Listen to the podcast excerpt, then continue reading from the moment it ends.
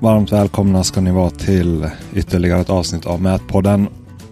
Nu ska vi lyssna på del två av nätutjämning. Så missade ni det förra. Så lyssna på det om ni vill ha ett sammanhang och oavsett. Här kommer Jakob Samani del två, de tio stegen om nätutjämning.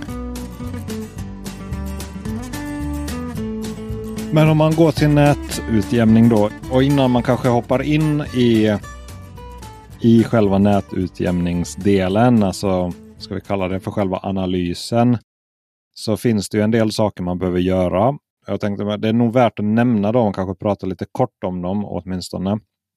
De är uppradade också väldigt bra i den här eh, tekniska rapporten som jag nämnde. Ja. Det är tio steg som krävs, eller ja, steg för ett nät. Man kan klumpa ihop dem lite mer på mindre nät framför allt. Men jag tänker de första stegen är så aktörer, beställare, utförare, underleverantörer. Klargöra förutsättningar som steg två. Produktbeskrivning, vilket referenssystem, generella krav, kompetens, tidsramar, leveranser. Och steg tre som man också kan klumpa ihop i det här steget. Ange produktkrav, krav på nätutformning, punkttäthet, punktavstånd, placering, tillgänglighet, markering, kvalitetskrav, mätosäkerhet, kontrollerbarhet, toleranser och så vidare. Ja, och jag tänker där, liksom, man måste ha ett klart syfte med ett nät. Det är jättestor skillnad om du ska göra ett järnvägsnät som ska sträcka sig över 20 mil eller ett lokalt byggplatsnät. Men fortfarande så det är inte bara att man kan åka ut i fält, börja slänga upp prismer, utan det måste finnas någon som det är en teoretisk produkt egentligen som är en, en förvaltare. Det här skulle leva vidare helst ja, under projektets gång, vilket ofta är år eller många år det kostar mycket pengar så man måste ha en utdelning, hur det finansieras, hur, vem har kompetenser. Så att innan ens man börjar liksom simulera, innan man börjar planera för nätet så måste man liksom produktbestämt eh, grejen. Absolut. Absolut. Som du sa, i grund och botten handlar det om att veta vad är det för projekt som det här ska användas till? Vad har vi för toleranskrav? som du sa, bestämma vilket referenssystem. I Sverige är det väldigt enkelt. Vi kör ju typ alltid SVEREF 99 RH 2000 nu för tiden. Det är oftast inte så. Men eh, det beror på. Kanske om man är precis på gränsen mellan två SVEREF-zoner kanske det är någonting att tänka på.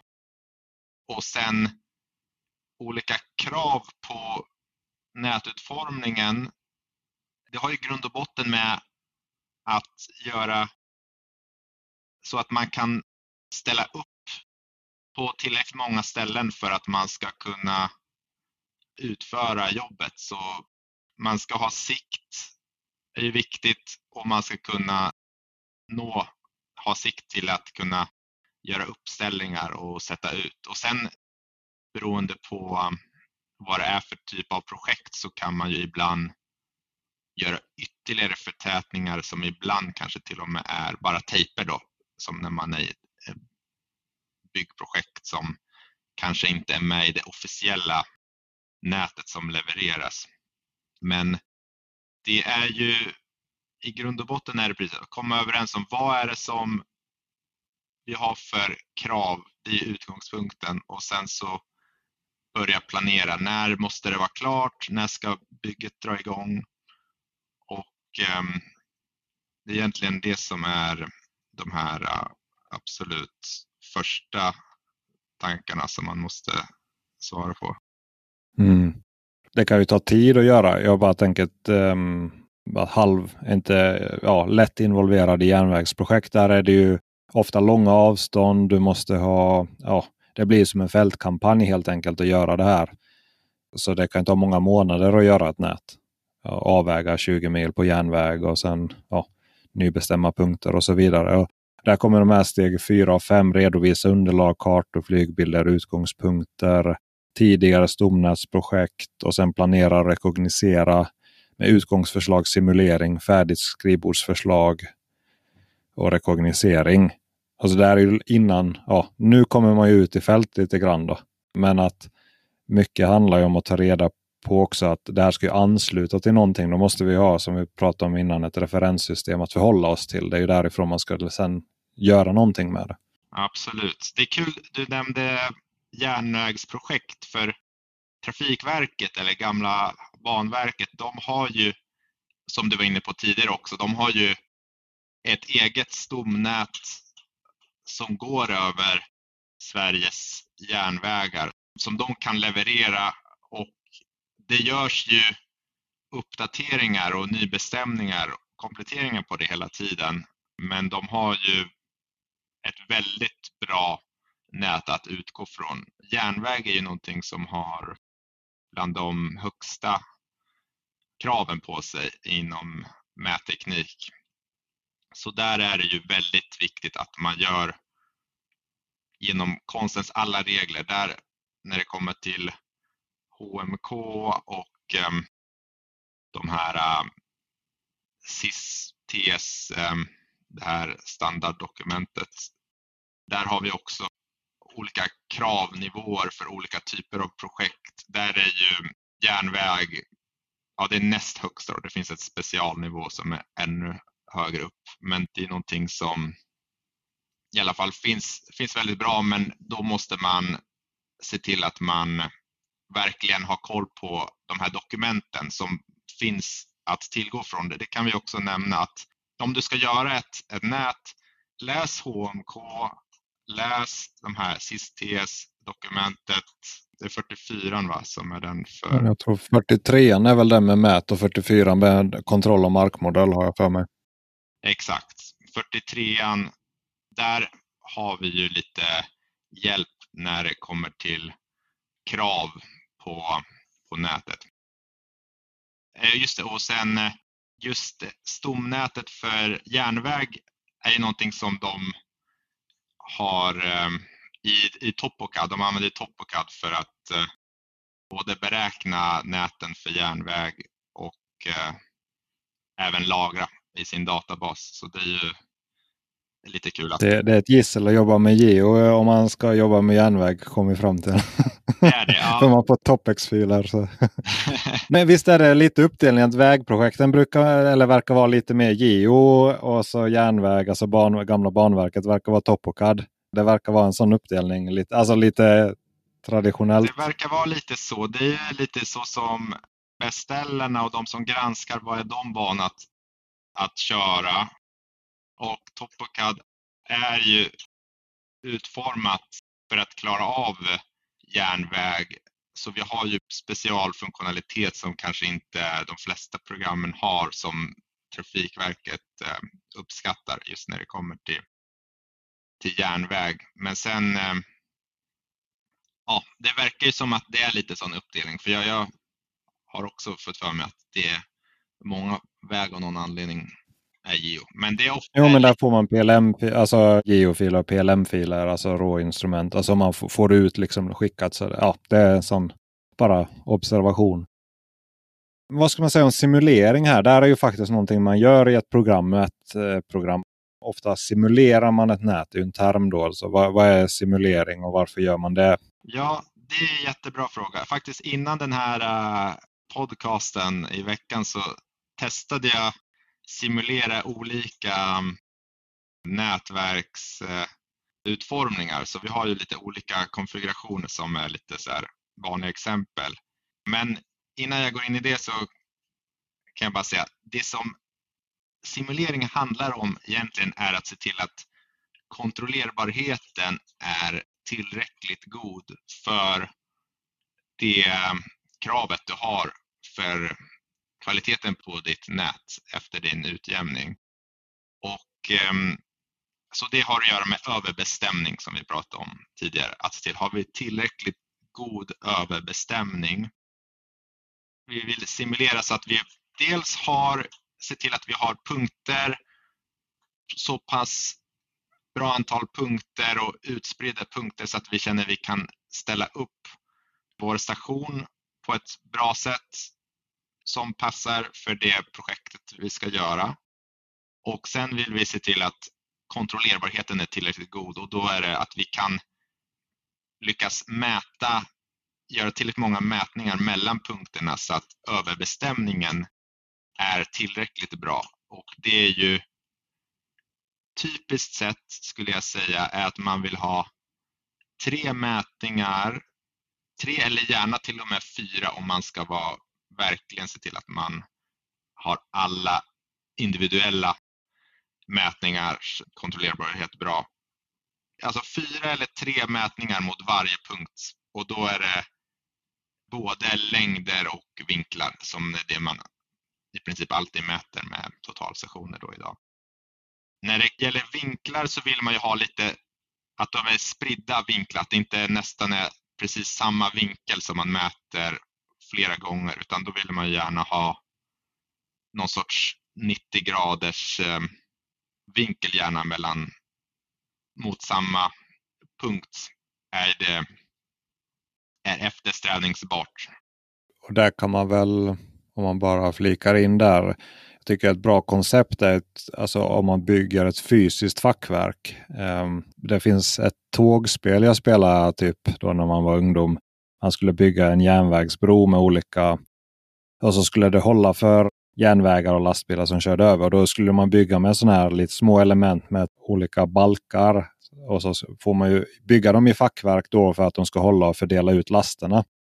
Men att det är det på något sätt ett nät också. Ja, du vill ha en, om man försöker likna vid ett fysiskt nät med vajrar eller ett stag egentligen är bättre uttryck. Att om du sätter många stag efter varandra som ett, om du tänker ett polygontåg som är egentligen väldigt långt utsträckt.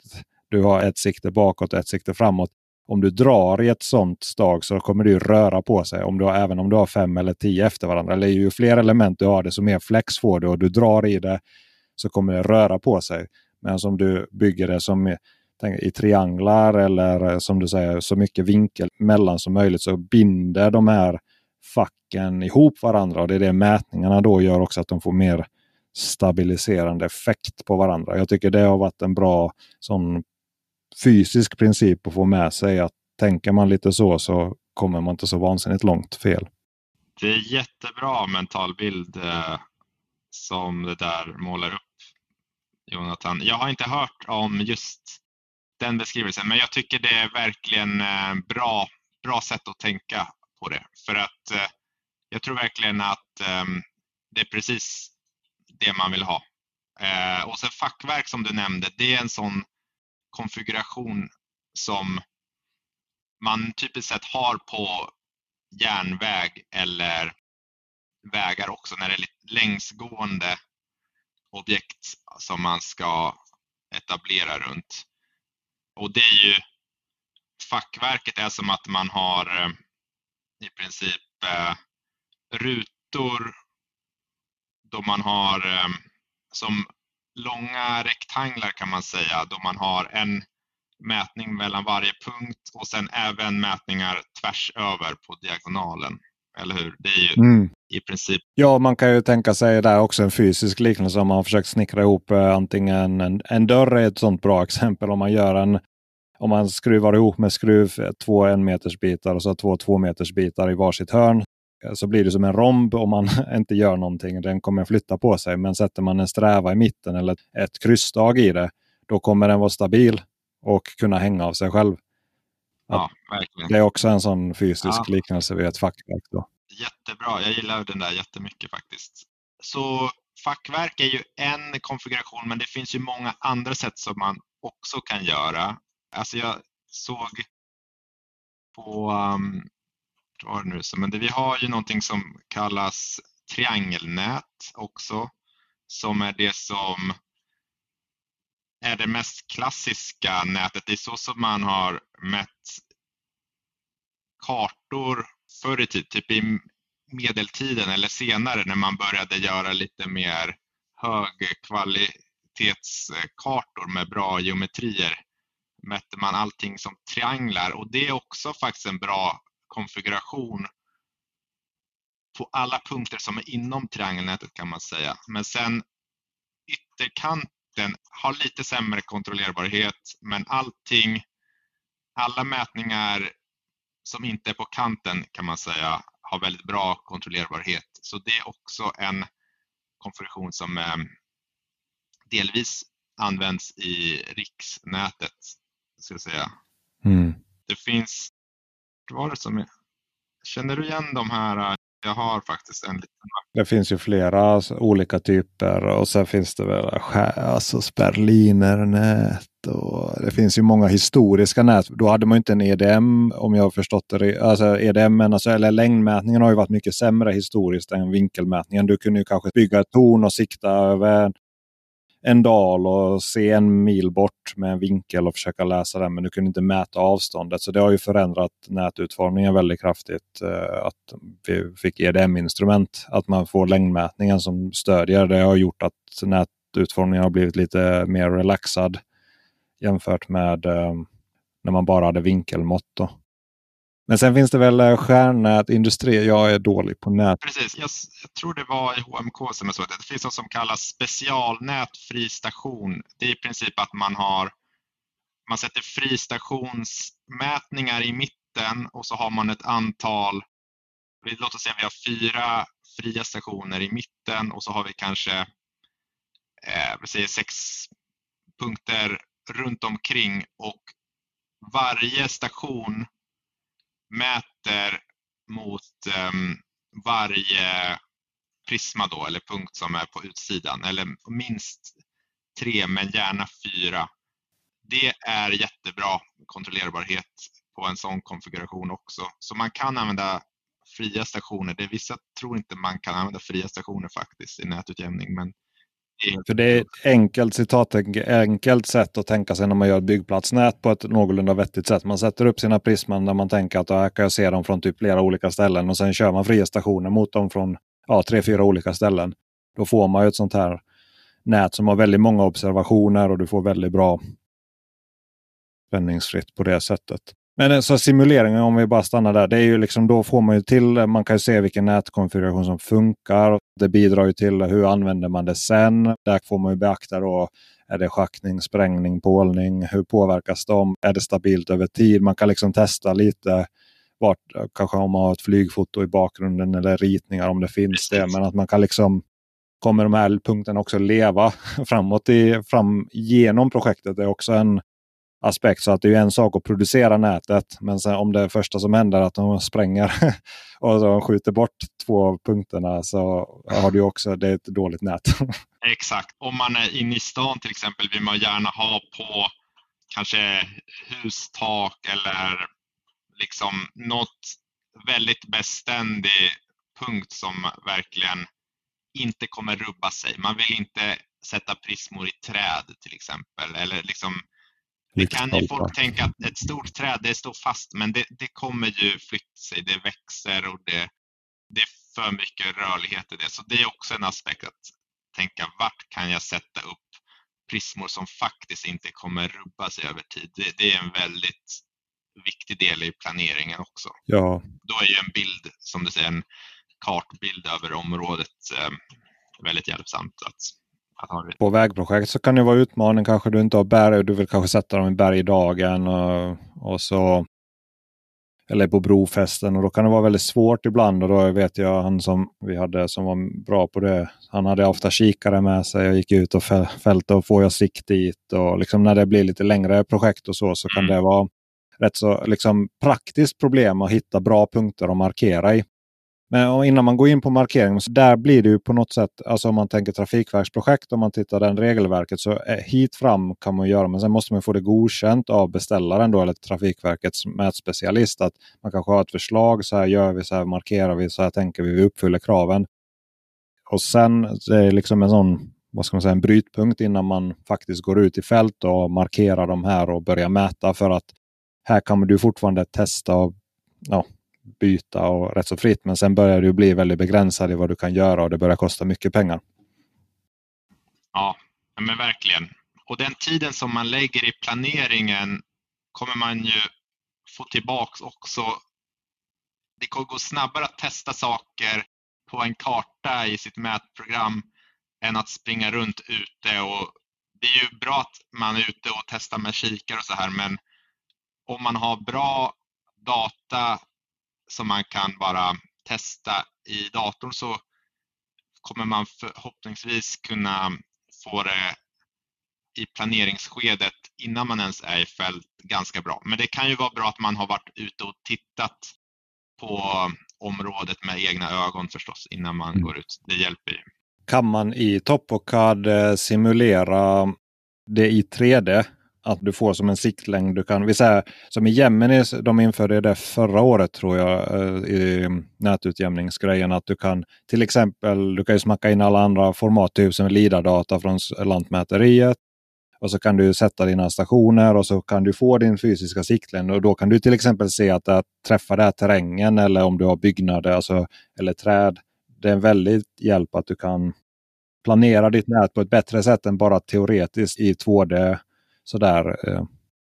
Absolut, absolut. Ja, men jättekul att du tar upp det. Jo, men det går jättebra. Vi kan ta in punktmål, terrängmodeller, IFC-modeller, allt sånt där. Du kan XF'a in det i nätutjämningen och du ser siktlängderna i 3D. Men det är roligt att jag har faktiskt aldrig hört några användare som efterfrågar det, men jag vet att Gemini de pushade den här grejen att vi gör det i 3D också.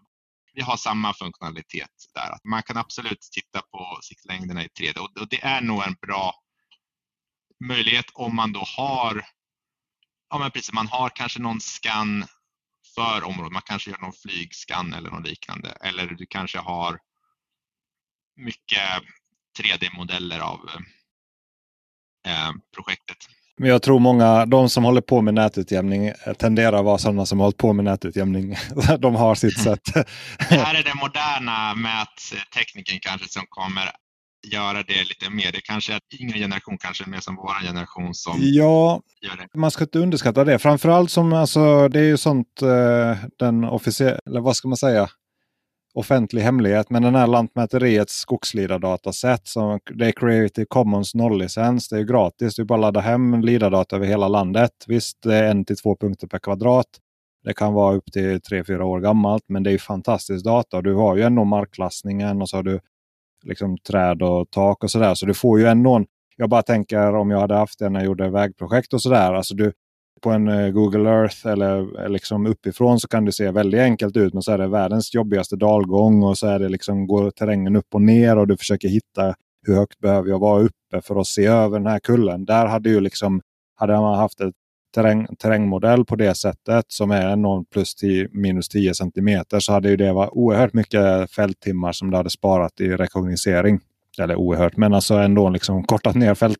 Det är inte, det, du är kanske två, tre dagar ute i fält, men mycket går ut på att ser jag över den här kullen? Eh, ser jag förbi ja, de här trädkronorna till eh, en punkt som är en kilometer längre bort? Ja, men det, absolut, det har du rätt i. Alltså en princip är att man vill gärna ha prismorna hyfsat höj, högt upp. Men samtidigt om det finns ju en nackdel att om det inte finns något robust att sätta Prisma på högt upp, då, då vill man ju inte gå högre upp än vad man absolut måste. Så det är en mm. väldigt eh, bra poäng där. Och det är, det är ju superbra och jag ser verkligen fram emot att Lantmäteriet, de har redan mycket öppna data som du är inne på, men eh, de ska ju släppa ännu mer löst eh, Ja, hoppas när det kommer. Alltså jag det, tror vi alla ser fram emot det också. Det, det ligger efter Danmark och Norge där helt klart. Ja, men då pratar vi markering kanske lite kort. Alltså där är ju, ja, man ska markera det beständigt. Det är mycket pengar som går åt ett stomnät. Det är mycket tid. De måste sitta där över projektet. Så att där, det är ju lätt att fuska där. Eller äh, fuska, men sätta dem ordentligt så det tål tjäle, att det tål vinter, eh, att det inte blir snö bortplogat, det blir inte bortgrävt. Eh, det blir inte täckt. Eh.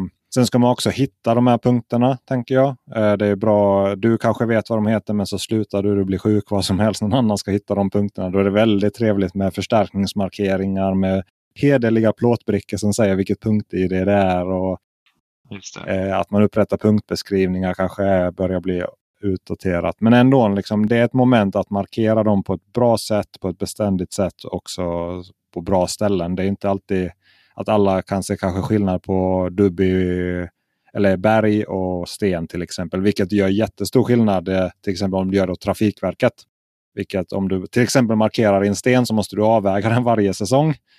Medan om du sätter den i berg så behöver du bara avväga den i princip i början på projektet. Vilket gör extremt stor skillnad på din kostnadsbild.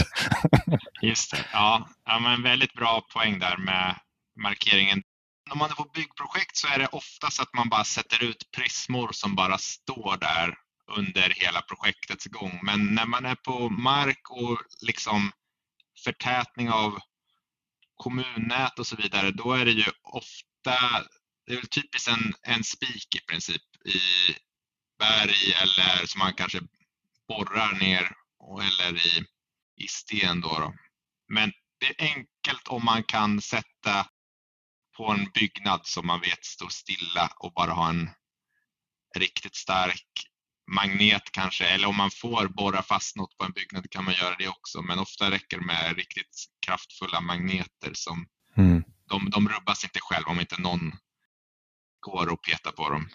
Och Det är ju en bra poäng där också i byggnader. Eller att det är inte alltid självklart du kan komma upp på någon annans tak. Du kanske måste prata med byggnadsägaren, få nyckel, tillgång. Sen vad händer om det, någonting händer, det hamnar snö eller du behöver liksom rensa prismat? Kommer du upp dit igen?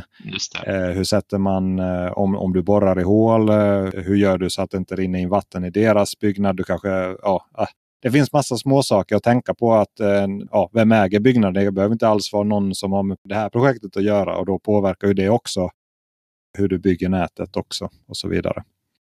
Ja, jättebra ämne att prata lite om faktiskt. För det är både på vem som äger byggnaden där man vill sätta sina punkter men även vart man hämtar de eh, punkterna som faktiskt finns har vi inte pratat om. Liksom för vi har ju Lantmäteriet har riksnätet. De har en webbtjänst man bara kan. Typ det heter typ stompunkter. Jag tror det heter stom.lantmäteriet.se. Väldigt bra om man bara vill kolla sin GPS så kan man liksom hitta en bra punkt och så jämför man att det funkar. Det är en jättebra resurs. Där finns riksnätet. Sen beställer man. De flesta kommuner tar ju lite betalt för att man ska få eh, deras punkter. Så då, det vanliga är att man går in på kommunens hemsida och eh, lägger en beställning på de punkterna man behöver för sitt projekt.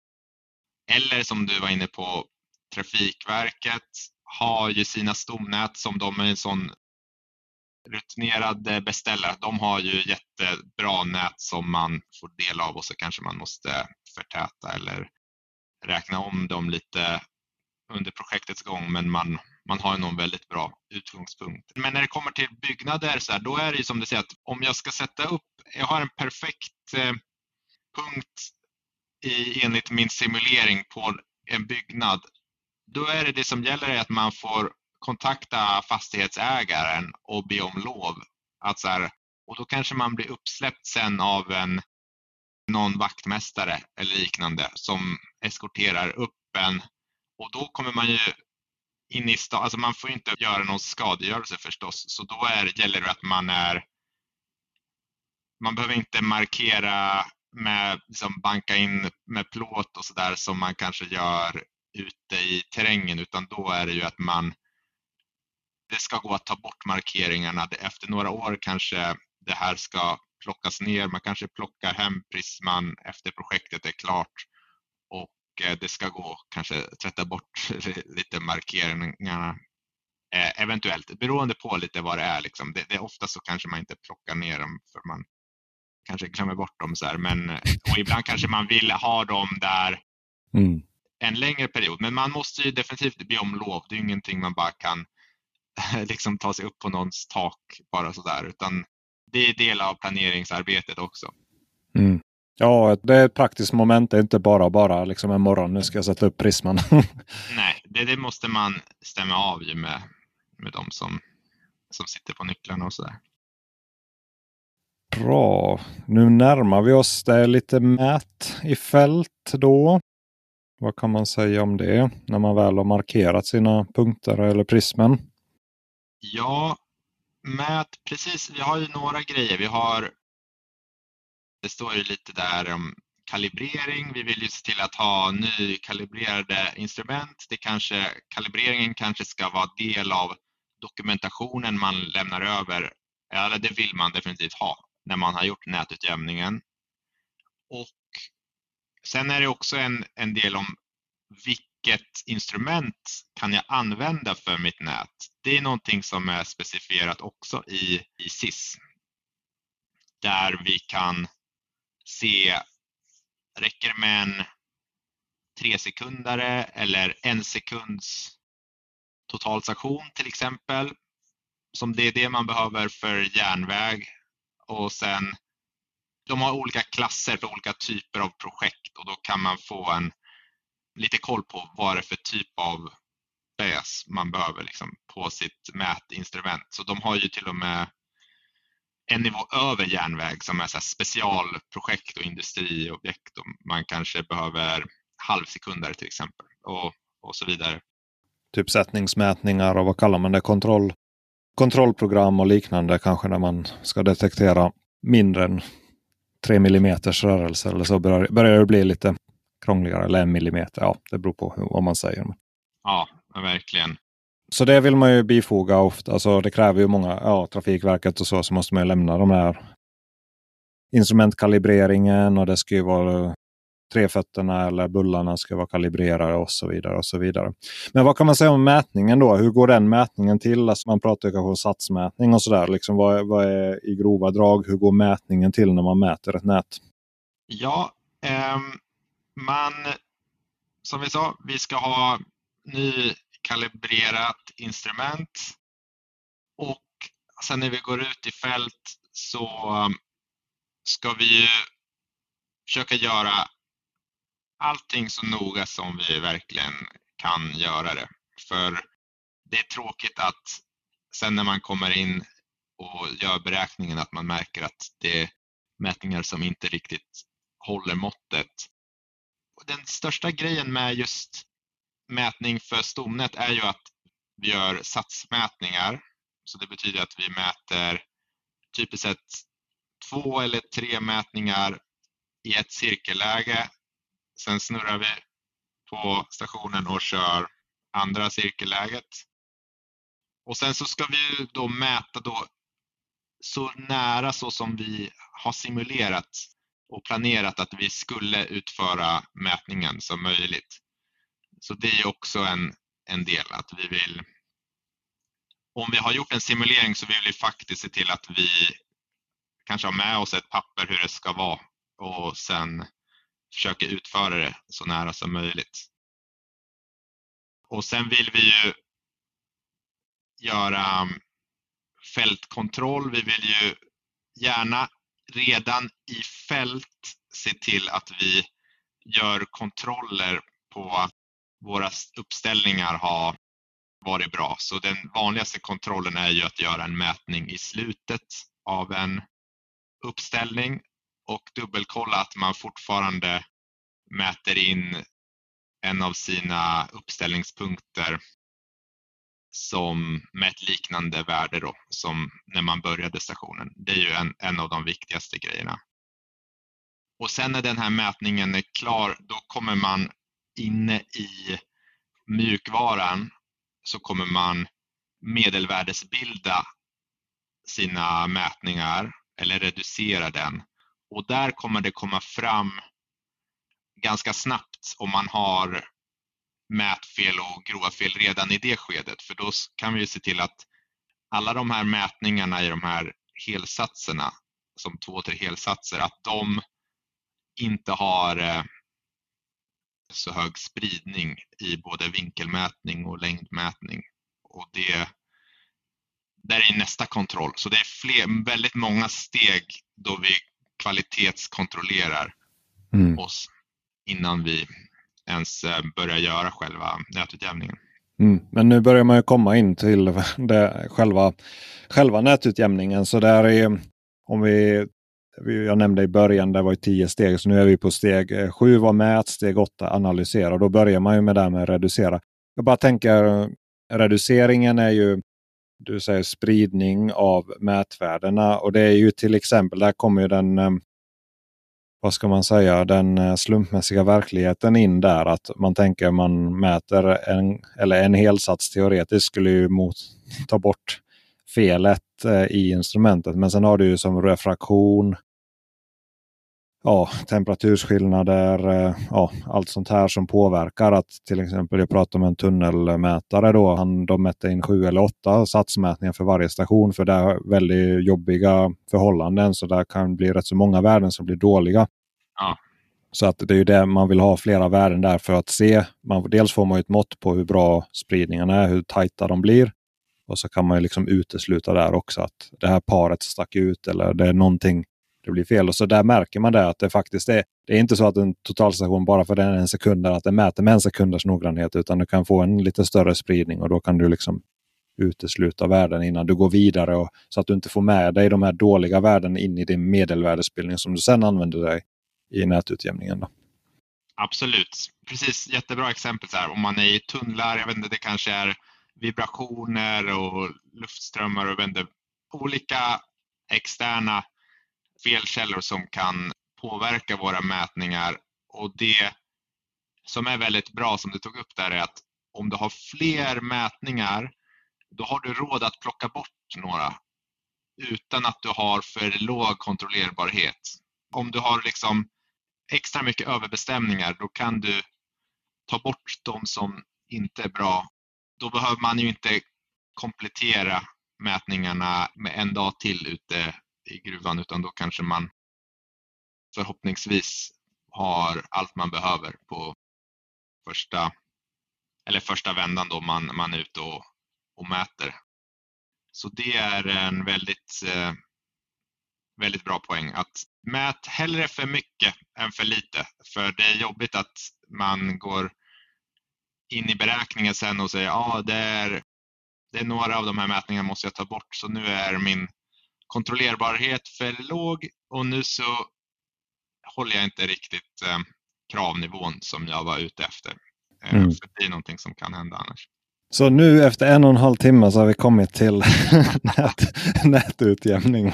eller ja, allting det vi har pratat om behöver man ju dels förstå och dels göra för att det ska bli ett nät. Men nu på något sätt så är vi inne i den här nätutjämningsmotorn. Och innan man grottar ner sig jag ser klockan här, jag har en kvart eh, kvar innan nästa eh, sak. Men eh, det, det, känns som en del två eller del tre av det här. Så blir det nog bra. Men om man, man, säger vilka steg grovt sett är det man gör i själva nätutjämningen? För där är också en ja, flerstegsraket där inne innan man har Säg att man har varit ute och mätt, man har reducerat sina värden och sen i slutändan så ska man få nya koordinater. Vad händer däremellan? Ja, absolut, ja, men precis. vi får gå igenom det här lite översiktligt så att vi hinner med det. Jag skulle säga att det som vi har varit inne på nu med reduceringen är att bli försteget då precis innan vi är inne i själva nätutjämningsdokumentet, eller vad man ska säga, när man är inne i sitt i mätprogram. Och eh, det första man gör är någonting som kallas ja, att vi gör reduceringen, ser till att vår mätdata är okej okay spridningsmässigt. Sen tar vi in det i nätutjämningen då vi gör något som kallas en fri utjämning. En fri utjämning, det är en utjämning, så vi, vi kör hela nätutjämningsberäkningen men vi räknar inte med de eh, kända koordinaterna. Vi använder liksom en känd koordinat bara så att vi har hyfsat rätt koordinater men det är inte så att vi tvingar in hela nätet att passa mot de kända punkterna. Fördelen med det här är att då smetar inte felen i de kända koordinaterna ut sig över observationerna mot de kända punkterna, vilket det gör i annat fall när man kör den fasta utjämningen som vi kommer till lite senare. Så det betyder att vi kan analysera mätningarna i isolation utan att de är färgade av eh, mot vilken punkt då som eventuellt inte är lika hög kvalitet som man har mätt mot. Det är, liksom, det, är det som är poängen med den här fria utjämningen. Bara för att förtydliga. Man låter liksom mätdata att göra sitt och prata med varandra utan att egentligen bry sig hur det stämmer överens med yttre punkter eller ja. Exakt. Ja, den försöker ju passa ihop allting på bästa sätt och då ser min nät ut så här ungefär. Precis, och det, det är precis det som det handlar om. Och sen efter man gör det, då så tittar man ju då efter om kvaliteten på mätningarna ser bra ut. Vi har ju någonting som kallas standardiserade förbättringar eller sigmavärden. Det här är ett ganska viktigt koncept som vi ändå måste förklara lite grann. I nätutjämning, det finns någonting som kallas en normalfördelningskurva som är den naturliga spridningen av eh, mätningar kan man säga. Att de flesta mätningarna kommer vara ganska lika varandra och så har man vissa mätningar slår lite åt ena och andra hållet och så blir det mindre och mindre längre ut. Den här kurvan delas upp i olika zoner. Det som är absolut i mitten är steg 1 och sen har vi steg 2. Steg 1 är ungefär två tredjedelar av alla mätningar. Steg 2 är upp till ungefär 95 procent av alla mätningar och steg 3 är till 99 procent någonting. Eh, 99, jag kommer inte ihåg, men, men en väldigt stor majoritet. Det som är utanför steg 3, det som, och det är ett, ett värde som man kommer se i sitt mätprogram, det är det som vi klassifierar som grova fel. De vill vi ta bort. Så vi tittar efter vi har gjort fri utjämning om vi har grova fel och eh, då vill vi eliminera de grova felen redan i det här skedet.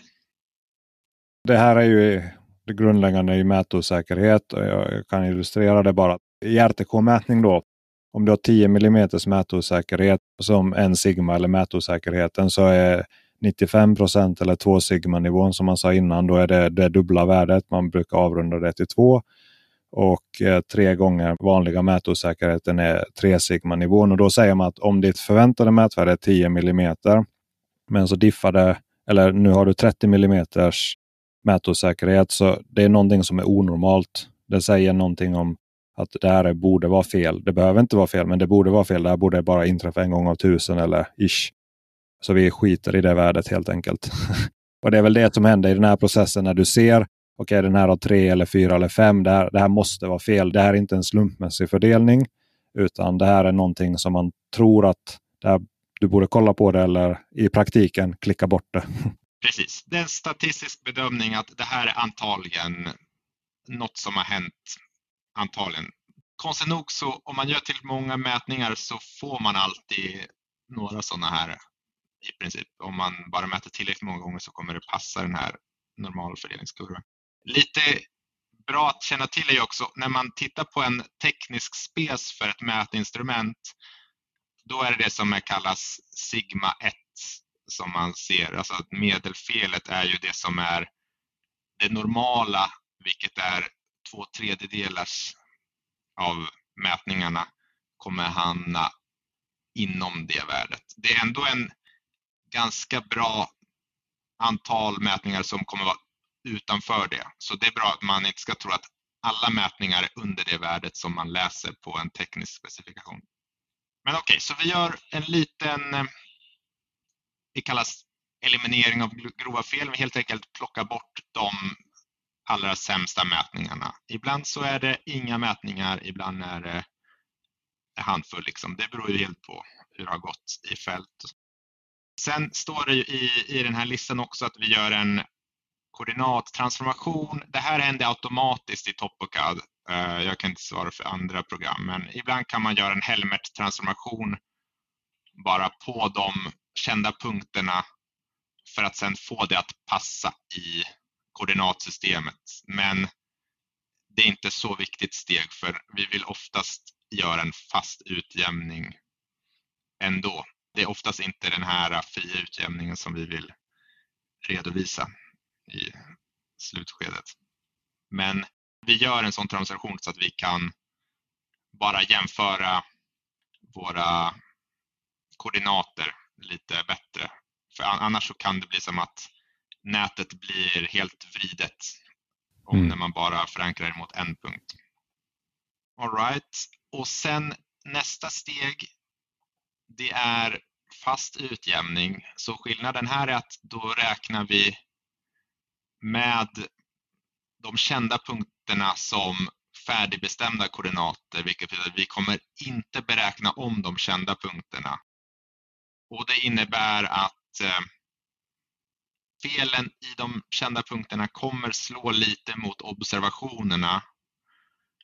Och Det betyder att i vissa fall så om man vet att man inte har grova fel i fri utjämning och sen får man grova fel i fast utjämning, då känner man till att det här är inte ett grovt fel i själva mätningen, är okej, okay, men den här kända punkten som jag mäter mot är, och här börjar det komma till den här äh, fingertoppskänslan eller som nämndes i den här dokumentet tidigare, att man här kan man börja tänka lite, ja men ska jag eliminera mätningen för att den är klassad som grovt fel nu eller ska jag kanske räkna om den här kända koordinaten som inte verkar vara så bra. Då, då börjar man ha lite olika valmöjligheter hur man ska få ihop sin beräkning. Det kan ju vara att utgångspunkten den har satt sig, den var felberäknad. Allting utgångsläge som du vill fixera emot, de har ju också beräknats av någon någon gång. Och Det kan vara fel som har slunkit in. Det kan vara sämre mätmetoder för 10, 20, 30, 40 år sedan. Det kan vara ja, saker har hänt helt enkelt. Så det, det är det här det kommer in. Det, att det är en analys du får jämföra. Det, här är, det säger inte att det här är så utan det här är hmm, tänk på det här. Precis, och då kanske man har med sin beställare ibland i diskussionen att vi kanske inte kan använda den här punkten. Är det okej? Okay? Eller ska vi låta beräkningen ha lite grova fel i rapporten? Men jag kan ju visa min fria rapporten från den fria utjämningen att mätningen är okej. Okay. Då kan vi börja ha en dialog liksom exakt hur man ska komma, liksom uppnå kraven men att beställaren är nöjd. Så då, då kan det vara bra att kommunicera lite hur, hur det går då. Om man märker att det är något fel på en punkt exempelvis som man har fått från beställaren. Sen har vi ett, en mängd med olika verktyg som vi kan analysera. Vi har inte tid att gå igenom det där. Men det enklaste är ju bara att få ut, eh, hitta de grova felen. Det, det är den absolut viktigaste. Sen har vi massa andra olika kontroller och tester som man kan göra och få ut rapporter. Nämn några bara för att lägga färg på att. För till exempel eh, höjdslingor för avvägning. Vi har olika rapporter för bara medelvärdesberäkning av eh, längder som har egna rapporter. Vi har test av kända punkter. Vi har egna rapporter för det och analys väldigt, väldigt bra. Alltså det är TopoCAD. Alltså både vi har tester för grova fel och kända punkter är vi just TopoCAD eh, väldigt, väldigt bra. Det Thomas Dubois är lite av ett, en pionjär i just de bitarna. Och sen har vi ju ja, vi har ungefär 20 olika. Det är både för höjd och eh, plan då som det kommer till. Men det, mm. Och så vi kan testa, vi kan ha rapporter som förklarar lite mer om varför de eliminerade felen, varför vi inte ska ha med dem som visar till exempel hur ser nätet ut med den här punkten och hur ser alltså grundmedelfelet ut med eller utan exempelvis. Mm. Och det här är ju det som är det avancerade. Att det är bedömningar och det är här man måste förstå lite av teorin vad de säger och vad det inte säger och så vidare. Och man pratar om viktning har vi inte alls pratat om. Att man måste ange rätt värden och vad förväntar vi oss för osäkerhet och så vidare. Men, men jag tror det vi kan lämna där så vi bara avrundar det här sista. För jag tror det, det kan kanske ta in någon där och någon som är riktigt duktig på det där så kan vi se om vi dödliga förstår de där mer avancerade testerna. Jag skulle rekommendera Thomas faktiskt. Thomas, mm. du bara kanske om du kan få in honom ja, på själva beräkningen. Eftersom han skriver beräkningen och har massa delar som är lite nytänkande också där. Så om han kan förklara dem lite mer. I alla fall efter man är färdig, har fått ut alla rapporter och sina färdigberäknade punkter i sitt nät så har man ju bunt rapporter, nya koordinater som man då kan leverera till sin beställare. Och tillsammans med det så kan man ju skriva någon liten teknisk rapport som kanske beskriver några frånsteg man har behövt göra från den vanliga metoden, kanske varför något värde inte ser bra ut, då kan man tillsammans med olika rapporter beskriva någonting, eventuella Där blev det.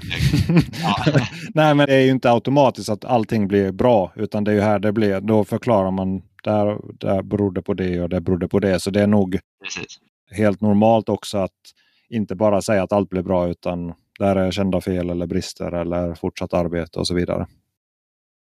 Ja, men absolut. Så det som man själv har tänkt och reflektioner som är intressant att känna till när man har det här nätet som ägare. Det är ju jättebra att det, det kommer med i, man skriver ner det lite på ett papper liksom. Och det är ju egentligen det är steg nio kan man säga. Sen så ska ju beställaren godkänna det här och eh, sen så eventuellt en, kan man ju planera en uppföljning då på nästa ska vi räkna om det här som du var inne på. Vissa nät ska räknas om varje år och så vidare.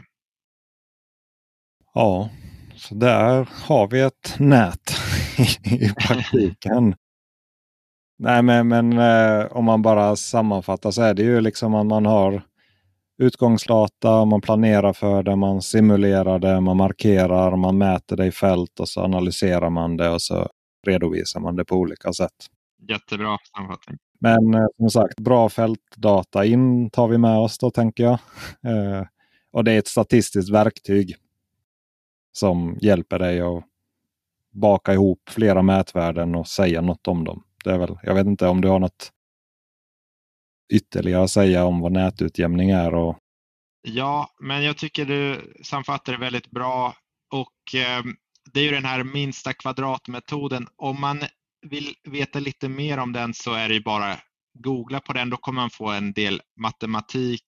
Eh, men eh, jag skulle rekommendera om man är lite intresserad av matematik så kan man ju läsa om han eh, Carl Fredrik Gauss som är en tysk eh, matematiker som, kom, som upptäckte den här beräkningen som även används i astronomi och all möjlig statistisk eh, beräkning. Så jag, har faktiskt läst en bok som heter The Prince of Mathematics som jag rekommenderar folk som är lite nyfikna på, på vem som har kommit på liksom lite som har öppnat upp hela den här geodesi-matematiken för som fortfarande är samma egentligen som man gjorde på i ja, 1800-talet. Mm.